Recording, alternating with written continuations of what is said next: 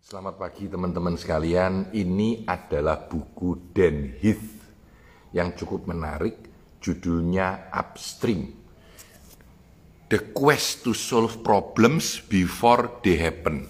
Jadi kalau dipotong dalam satu kalimat, buku ini menjelaskan cara kita menyelesaikan sebuah persoalan sebelum persoalan itu terjadi. Nah, buku ini tentang apa sih? Tentang kompleks sistem. Jadi dalam suatu sistem yang sangat kompleks ya, bagaimana mencegah terjadinya sesuatu sebelum hal itu terjadi gitu. Jadi kira-kira kontennya seperti itu. Nah, buku ini adalah buku Dan Heath uh, yang pertama ditulis sendirian. Asalnya Chip and Dan Heath ini kakak adik yang menulis buku yang paling saya sukai namanya Stick membuat kita ingat.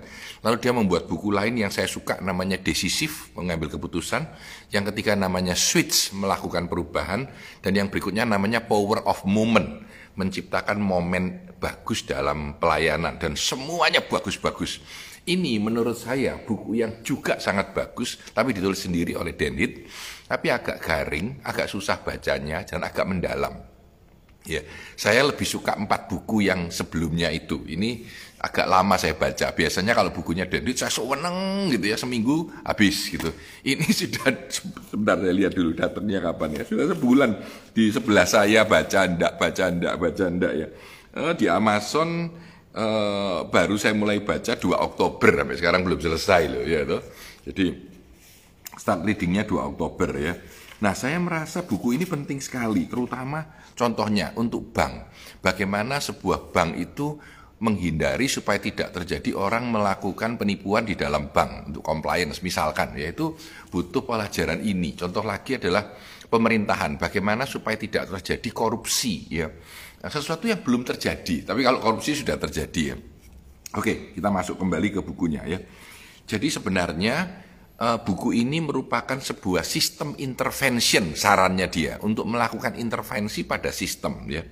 Uh, saya akan masuk dulu dalam apa sih yang membuat terjadinya sesuatu problem besar itu meledak termasuk COVID-19 ya. COVID-19 ini sebenarnya uh, kalau menurut saya merupakan sesuatu yang terjadi dan sebenarnya bisa dihindari. Kalau Anda masih ingat lima tahun yang lalu si apa namanya si Bill Gates sudah memperingati kita bahwa ini mungkin terjadi, tapi belum kita lakukan apa-apa secara sistematis yang cukup ya. Nah, ada tiga hal yang membuat kita tidak bisa melakukan upstream thinking. Nah, ini kalimat ini dia dia jadikan kalimat upstream. Maksudnya upstream itu sesuatu yang belum terjadi di ujung sebelah sana ya. Upstream di sebelah sana, di atas. Jadi sebelum hal itu terjadi, sebelum air itu turun ke bawah di atas sana itu itu di kira-kira begitu. Ada tiga elemen. Yang pertama disebut problem blindness. Problem blindness itu adalah kebutaan kita akan persoalan. Kita tidak tahu bahwa itu bisa terjadi ya. Mungkin saya contohnya, saya tidak tahu bahwa bisa terjadi apa penyakit uh, kuman yang bisa membuat kita menjadi seperti sekarang pada COVID-19. Ini tidak pernah masuk dalam radar saya bahwa ini akan menjadi sebuah krisis dunia gitu. Nggak pernah kepikir, nggak pernah kepikir aja problem blindness itu adalah sesuatu yang di mana kita tidak pernah kepikir gitu ya. Ini yang pertama. Uh, yang kedua disebut lack of ownership. Lack of ownership itu uh, duduk urusanku, bukan urusan saya. Ini kan bukan urusan saya. Ini hal yang lain gitu. Itu kerjaan orang lain, bukan bukan bagian saya. Nah ini juga menimbulkan sebuah problem besar yang meledak belakangan ya. Uh, wah ini dia korupsi ya bukan urusanku lah biarin urusan-urusan dia bukan urusanku gitu ya. Tapi sebetulnya kalau kita mulai mengurus mungkin tidak akan terjadi sebuah korupsi yang besar-besaran. Contoh aja. Yang ketiga tunneling. Nah tunneling disebut tunneling. Jadi tunneling itu adalah keadaan kita yang masuk di dalam tunnel. Jadi karena masuk di dalam tunnel ya nggak bisa belok kiri nggak bisa belok, belok kanan. Inti utamanya adalah karena kita terlalu sibuk dengan pekerjaan sehari-hari, kita tidak memikirkan persoalan yang belum terjadi atau resiko terhadap persoalan yang belum terjadi ya. Jadi tiga hal ini problem blindness kebutaan kita akan persoalan tidak mikir, yang kedua lack of ownership ya, tidak bukan urusanku kok, urusannya dia tuh, dia yang urus bukan saya. Nah, itu membuat jadinya problem besar. Dan ketika tunneling kesibukan kita yang membuat kita menjadi terlalu uh, apa namanya terlalu terpusat pada pemikiran kita sendiri. Contohnya Eh, banyak hal. Ya contohnya eh, orang-orang homesick sekarang di Amerika. Saya waktu di San Francisco kelihatan banyaknya orang homesick. Kenapa orang terjadi homesick ya? Uh, oh, homeless sorry sorry sorry otaknya agak slow berarti ya homeless homeless itu adalah orang yang kehilangan uh, rumahnya dan kehilangan rumahnya menurut buku ini ada cara untuk melakukan prevention supaya tidak terjadi homeless. Ini solusinya sebetulnya. Saya yang suka dari Denhit dan dan uh, chip chip dan denhit itu mereka membuat hal-hal ini menjadi simpel dengan sebuah gambar. Jadi dengan sebuah gambar ini saja bisa kelihatan tiga problem dan tujuh solusi dan tujuh solusi ya. Saya akan sharing ketujuh solusi yang harus dipertanyakan kepada seorang pimpinan. Jadi yang pertama how will you link how you will how will you unite the right people bagaimana kita mengumpulkan orang-orang yang tepat untuk menyelesaikan persoalan itu karena persoalan ini biasanya kompleks bukan karena bukan hanya satu orang aja yang bisa menyelesaikan. Yang kedua, how will you change the system? Bagaimana Anda merubah sistemnya supaya sistemnya benar? Yang ketiga, where can you find a point of leverage? Di mana Anda mampu menggunakan sebuah poin di mana Anda dapat mengungkitnya sehingga persoalan itu bisa selesai. Yang berikutnya, how will you get early warning of the problem? Bagaimana Anda bisa dapat uh, solu apa namanya tanda-tanda awal, sinyal awal bahwa problem itu akan meledak. Ya. Yang berikutnya, how will you know you are succeeding? Feedback loop apa yang bisa menunjukkan bahwa apa yang Anda kerjakan itu punya dampak positif gitu. Kalau enggak, Anda tidak akan mengerjakan lagi dan tidak akan ada momentum untuk mengerjakan itu lagi ya. Uh, how will you avoid doing harm? Bagaimana Anda bisa menghindari supaya itu ternyata tidak membuat uh, luka atau tidak mencelakai atau tidak merusak orang lain.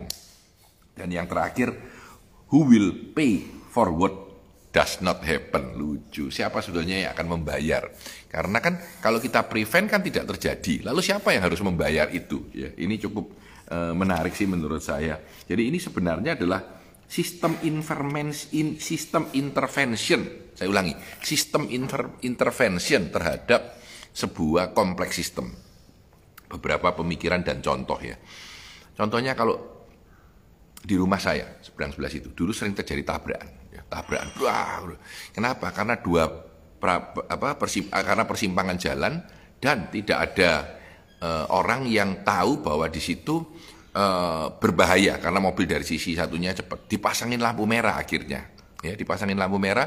Sekarang jarang sekali terjadi uh, apa namanya kematian di situ. Paling tidak orang rem walaupun dia mungkin menerobos lampu merah. Tapi dia ngerem dulu dia lihat ya. Karena dulunya enggak dia buan aja dan terjadi tabrakan dan banyak yang meninggal. Nah ini sebenarnya bukan maaf bukan sebuah upstream. Karena kelihatan sering terjadi tabrakan baru kita melakukan sesuatu. Ini solusi yang umum terjadi. Jadi reaktif terhadap hal ya. Tapi kalau kita misalkan melihat contoh lagi adalah uh, belokan. Yang kiri belok boleh terus atau tidak. Itu kan membingungkan orang gitu ya. Kalau belok kiri boleh terus atau tidak ya.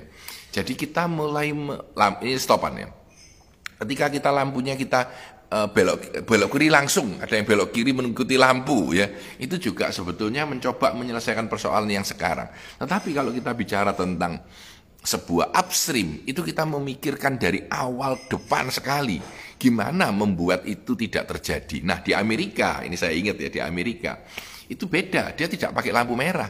Tapi di bawahnya itu kalau di jalan ada tulisannya eh, apa namanya stop gitu ya. Stop itu cuma tulisan stop aja. Jadi anda di tiap perapatan harus berhenti mati cekrek dan melihat kanan kiri kalau tidak ada baru boleh gas lagi. Otomatis itu.